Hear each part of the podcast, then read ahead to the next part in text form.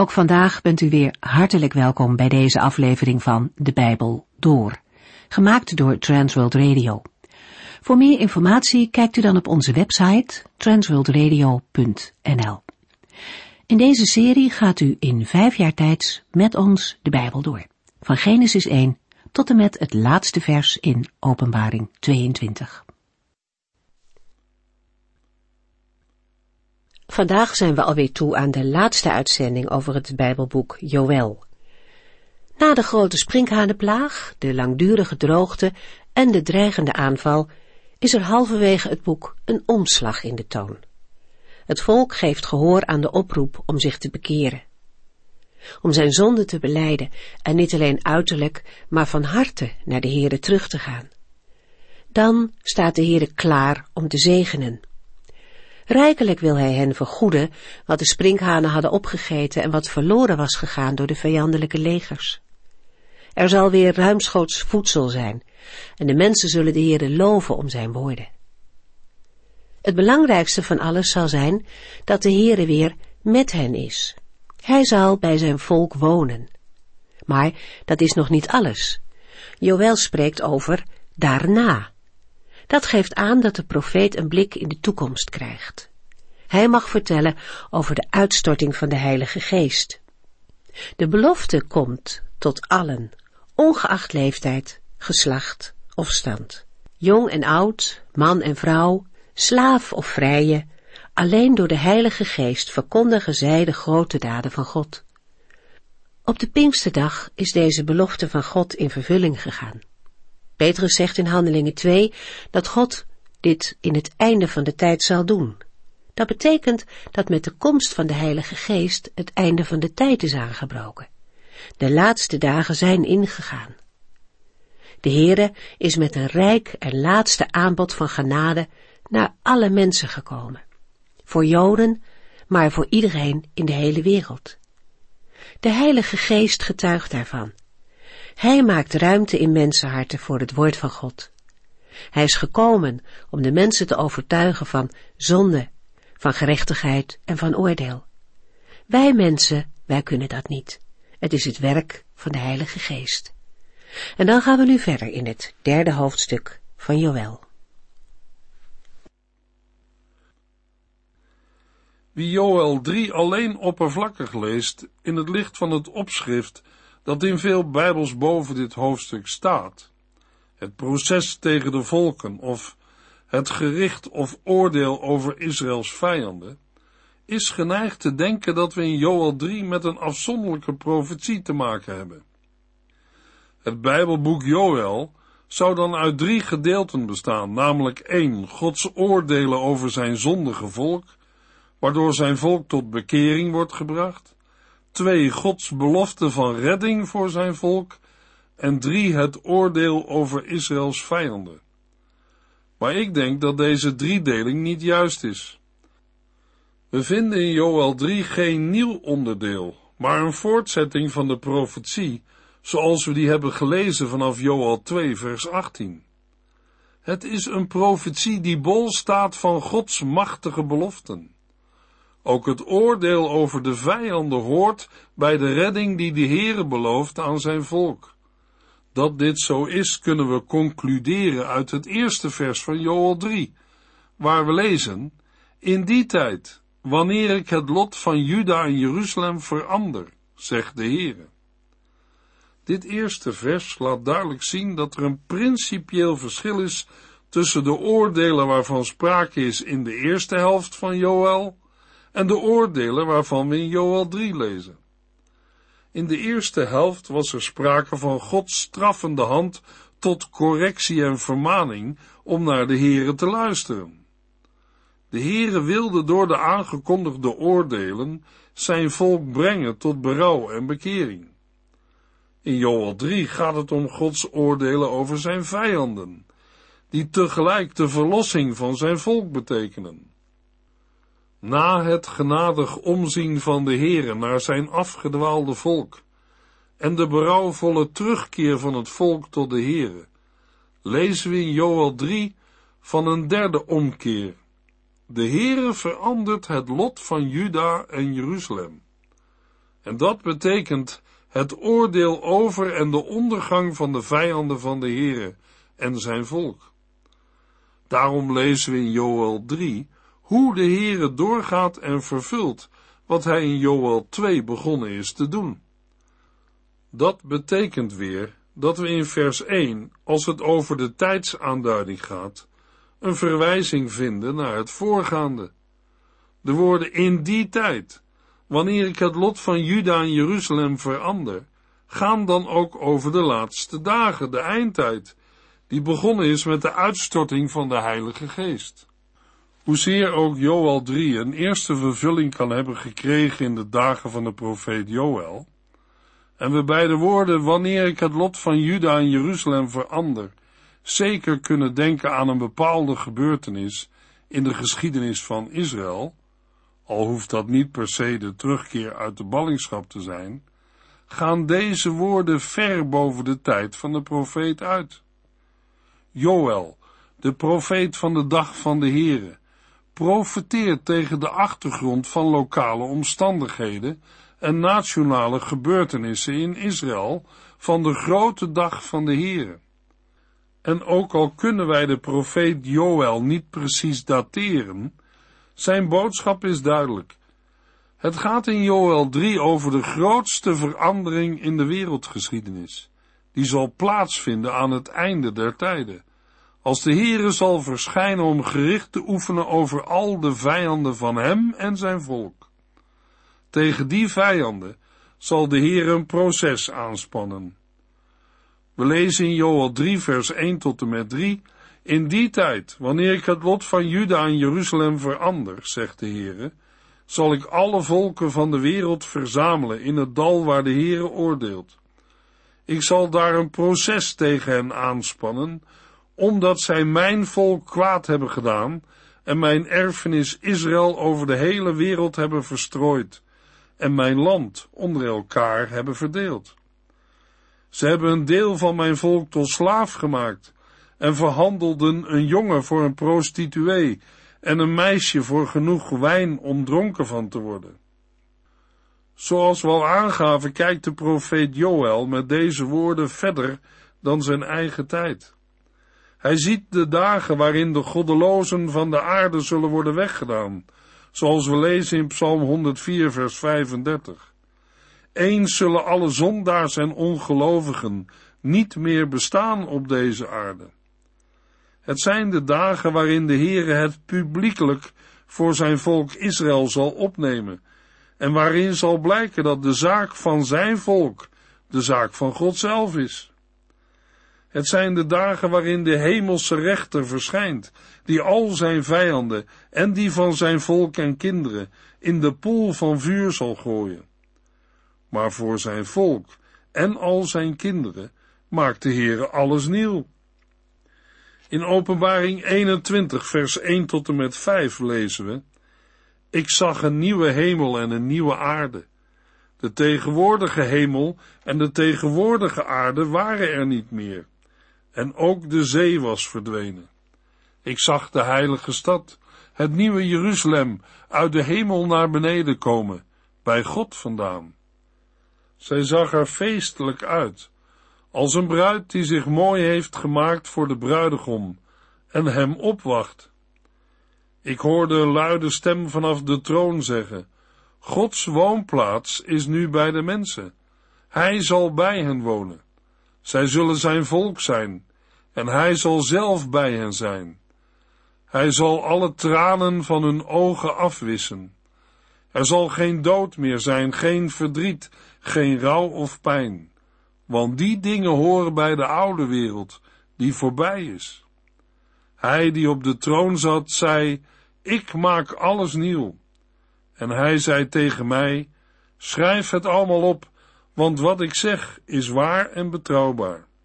Als we de eerste versen van Joel 3 lezen, dan zien we dat de aankondiging van het komende eindoordeel staat in het kader van de boodschap van verlossing. De aankondiging van het eindgericht is dan ook tegelijk de keerzijde van de boodschap van Gods redding en verlossing. Na het eindgericht wordt de grote scheiding voltrokken tussen de vijanden van de Heere en zijn volk. Voor Gods volk en zijn kinderen betekent de komst van de Heere de verlossing. Is dat omdat Gods volk en kinderen beter zijn dan de anderen? Nee, beslist niet. Uit het begin van het Bijbelboek Joel blijkt duidelijk dat de Heere moet zeggen: Kom nu bij mij terug, nu kan het nog. Geef mij heel uw hart. Kom met vasten, tranen en in rouw. Scheur van verdriet uw hart, niet uw kleren. Voor gelovigen vandaag is dat niet veel anders. Als de Heere vandaag tegen ons een proces zou aanspannen, komt niemand er van ons goed vanaf. Daarom hebben wij mensen de Heer Jezus Christus nodig als heiland en verlosser. Als we oprecht op Hem vertrouwen en doen wat Hij zegt, heeft Gods proces over ons al plaatsgevonden op Golgotha. Daar heeft Christus voor mij tot God de Vader gezegd, Vader, straf mij maar in plaats van Hem. Want, luisteraar, als de Heere uw, jou en mijn ongerechtigheden in rekening zou brengen, dan kunnen wij voor Hem niet bestaan. Maar, zal iemand vragen, wie mag er dan bij het volk van God horen en wie horen bij de vijanden van God? Joel 3 vers 4 Probeer niet tussen beiden te komen, Tyrus en Sidon. Willen jullie wraak op mij nemen, steden van de Filistijnen? Pas op, of ik zal snel terugslaan en de wraak op jullie eigen hoofden laten neerkomen. Uit vers 4 zouden we de vijanden eenvoudig kunnen benoemen. We lezen dan, Juda en Jeruzalem is Gods volk, en de Filistijnen en de inwoners van Tyrus en Sidon zijn de vijanden. Dat is op zich wel waar, maar ook kort door de bocht. Zo eenvoudig is het niet. Want als we vasthouden dat Joel hier spreekt van het eindgericht op de grote dag van de Here, dan zullen we moeten toegeven dat het op de dag van Gods gericht niet alleen kan gaan over Juda en Israël en de genoemde vijanden in vers 4. Degenen die in het eindgericht ontkomen, hebben hun behoud niet te danken aan het feit dat zij tot een bepaald volk behoren. We lazen in Joel 2 vers 32, Ieder die dan de naam van de Heere aanroept, zal gered worden. Want de berg Sion en Jeruzalem zullen een toevluchtsoord zijn, zoals de Heere heeft beloofd. Want ieder die hij, de Heere, roept, zal worden gered. Niet onze afkomst beslist, alleen ieder die hij, de Heere, roept, zal worden gered. Dat zijn zij die uit Joden en niet-Joden door de Heere geroepen zijn en de naam van de Heere hebben leren aanroepen. Zij zullen op grond van het verzoeningswerk van Jezus Christus worden gered en op de berg Sion en in Jeruzalem een toevluchtsoord vinden.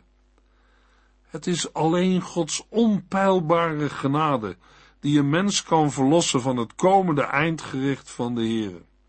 En wat gebeurt er met de andere mensen? Dat lazen we al in Openbaring 20, vers 12 en 13. Ik zag de doden, groot en klein, voor de troon staan. Er werden boeken opengedaan, ook het levensboek. En de doden werden op grond van hun daden geoordeeld, zoals het in de boeken geschreven stond. De doden kwamen overal vandaan, uit de zee, het graf en het dodenrijk, en ze werden allemaal geoordeeld naar wat zij hadden gedaan. Mogelijk dat deze woorden u en jou zwaar en donker in de oren klinken. Maar ik kan en wil het woord van God niet veranderen. Gods oordeel is het onlosmakelijke gevolg van een mens die het evangelie van de Heere, zijn liefdesaanbod in Jezus Christus, naast zich neerlegt, of er achterloos aan voorbij gaat. Iemand die de Heer Jezus Christus mag kennen als zijn of haar verlosser, zaligmaker en borg, hoeft voor het oordeel van de Heere niet bang te zijn. Gods oordeel is voor alle gelovigen losgebarsten op Golgotha, waar Christus voor u, jou en mij zijn leven gaf. En hij heeft gezegd, het is volbracht. Wat wil een mens nog verder aan zijn of haar verlossing gaan doen? Geloof in de Heer Jezus Christus en u zult gered worden. In Handelingen 4, vers 12 lezen we: Er is bij niemand anders redding te vinden. Hij, Jezus Christus, is de enige door wie de mensen gered kunnen worden. Worden in Joel 3, vers 4 Tyrus en Sidon, steden van de Filistijnen, als vijanden aangeduid. Hun namen staan voor een bredere invulling. Dat blijkt onder andere uit woorden van de Heer Jezus in Matthäus 11, vers 21 en 22. Gorazin, Bethsaida, wat ziet het er voor u slecht uit, als in de zondige steden Tyrus en Sidon de wonderen waren gebeurd, die ik in uw straten heb gedaan, zouden zij zich allang vol schaamte en berouw tot God hebben bekeerd. Voor Tyrus en Sidon zal het op de dag van het grote oordeel minder erg zijn dan voor u. En wat zijn de beschuldigingen tegen de vijanden in het proces dat de Heere tegen hen aanspant? U leest het in de versen 2 tot en met 6. Ze hebben zich vergrepen aan Gods volk.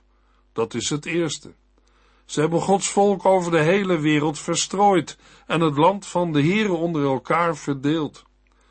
Ze hebben de Israëlieten als slaven verkocht aan Grieken, die op de slavenmarkt van Tyrus handel dreven. Toen leek het alsof ze zich ongestraft konden vergrijpen aan Gods volk, zijn land en de eigendommen van de Heer uit de tempel. Joel 3 vers 5 en 6 Mijn zilver en goud en andere kostbare schatten hebben jullie weggenomen en naar de afgodentempels gebracht.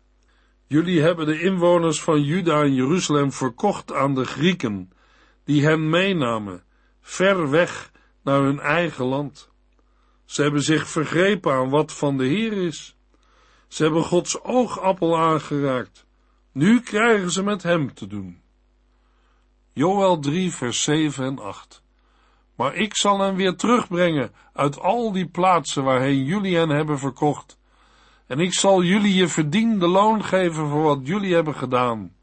Ik zal jullie zonen en dochters verkopen aan de mensen in Juda, en zij zullen hen doorverkopen aan de Sabeërs, die ver weg wonen, zegt de Heere. Terwijl we in de versen 1 tot en met 8 als het ware getuigen zijn van de rechtszaak tussen de Heere en zijn vijanden, gaan we in de versen 9 tot en met 17 zien hoe de grote scheiding voltrokken wordt. En terwijl in de voorgaande versen Gods vijanden werden getekend als arrestanten, die worden afgevoerd naar de rechtszaal waar het vonnis wordt uitgesproken, zien we vanaf vers 9 het tafereel van een veldslag. Joel 3 vers 9 tot en met 12. Kondig dit wijd en zijd aan. Maak u klaar voor de oorlog. Laten de beste soldaten aantreden en mobiliseer het leger. Smelt uw ploegen en maak er zwaarden van.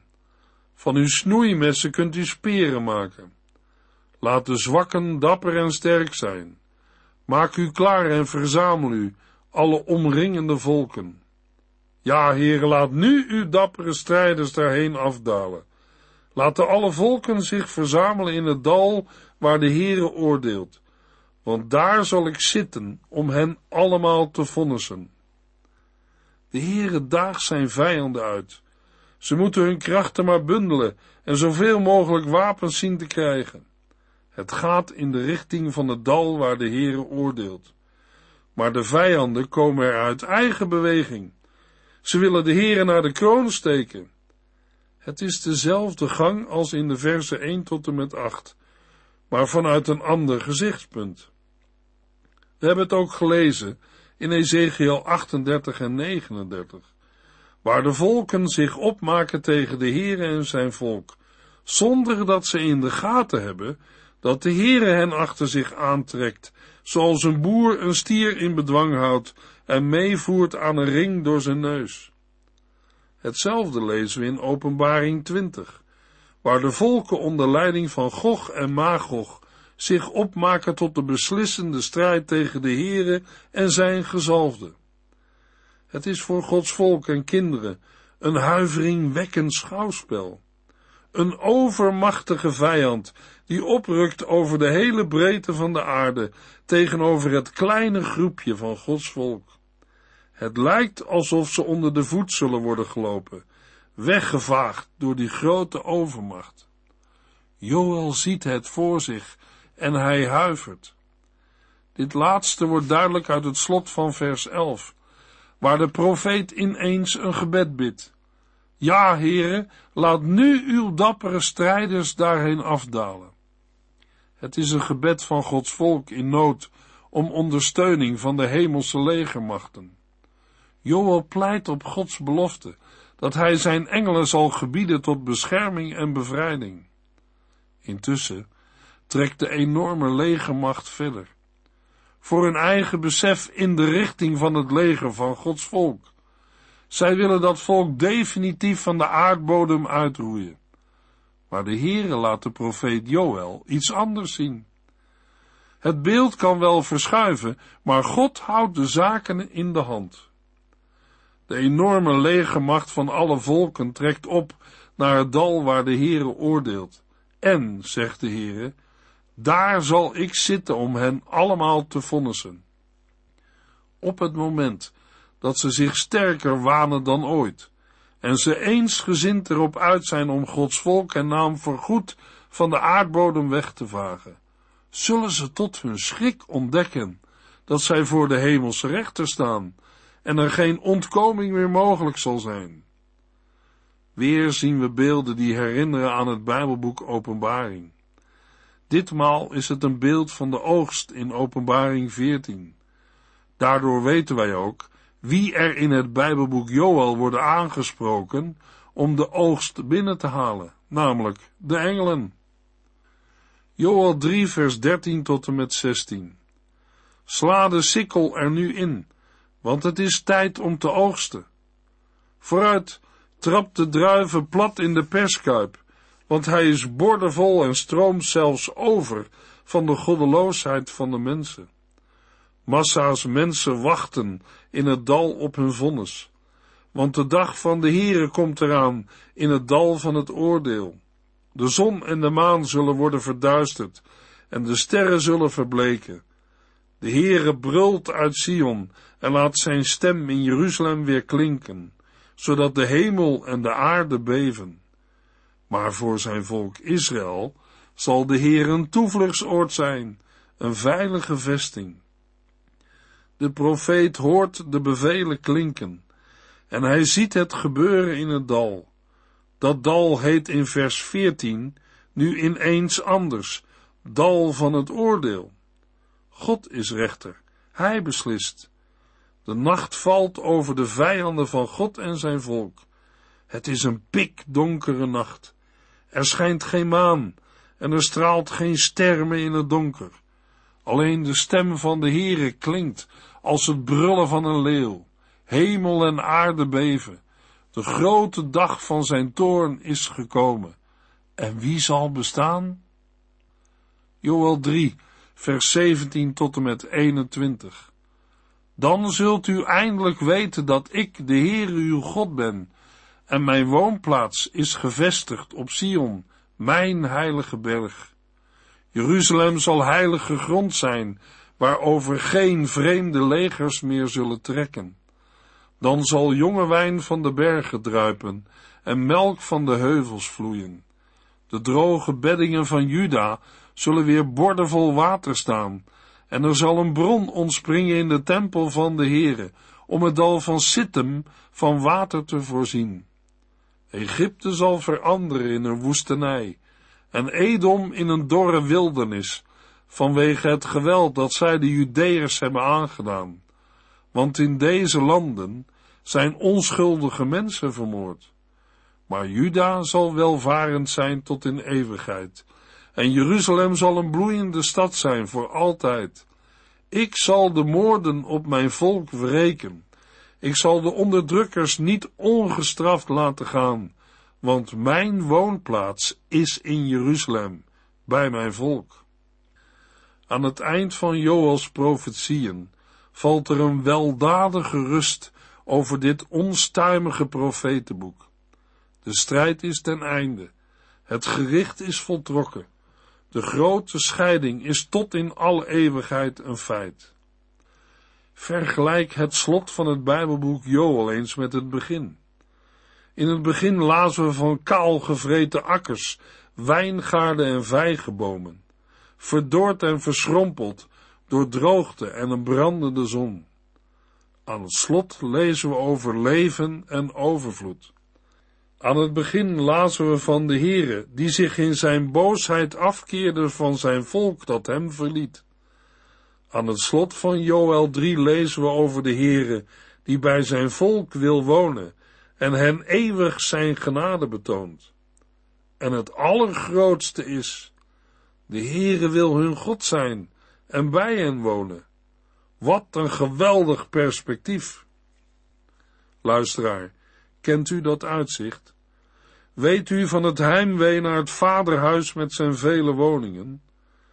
Daarom verwachten wij die grote dag van de Heere, waarvan Joel mocht profeteren, zoveel eeuwen later met een groot verlangen, om ten volle te genieten van Gods belofte in Jezus Christus, onze heiland.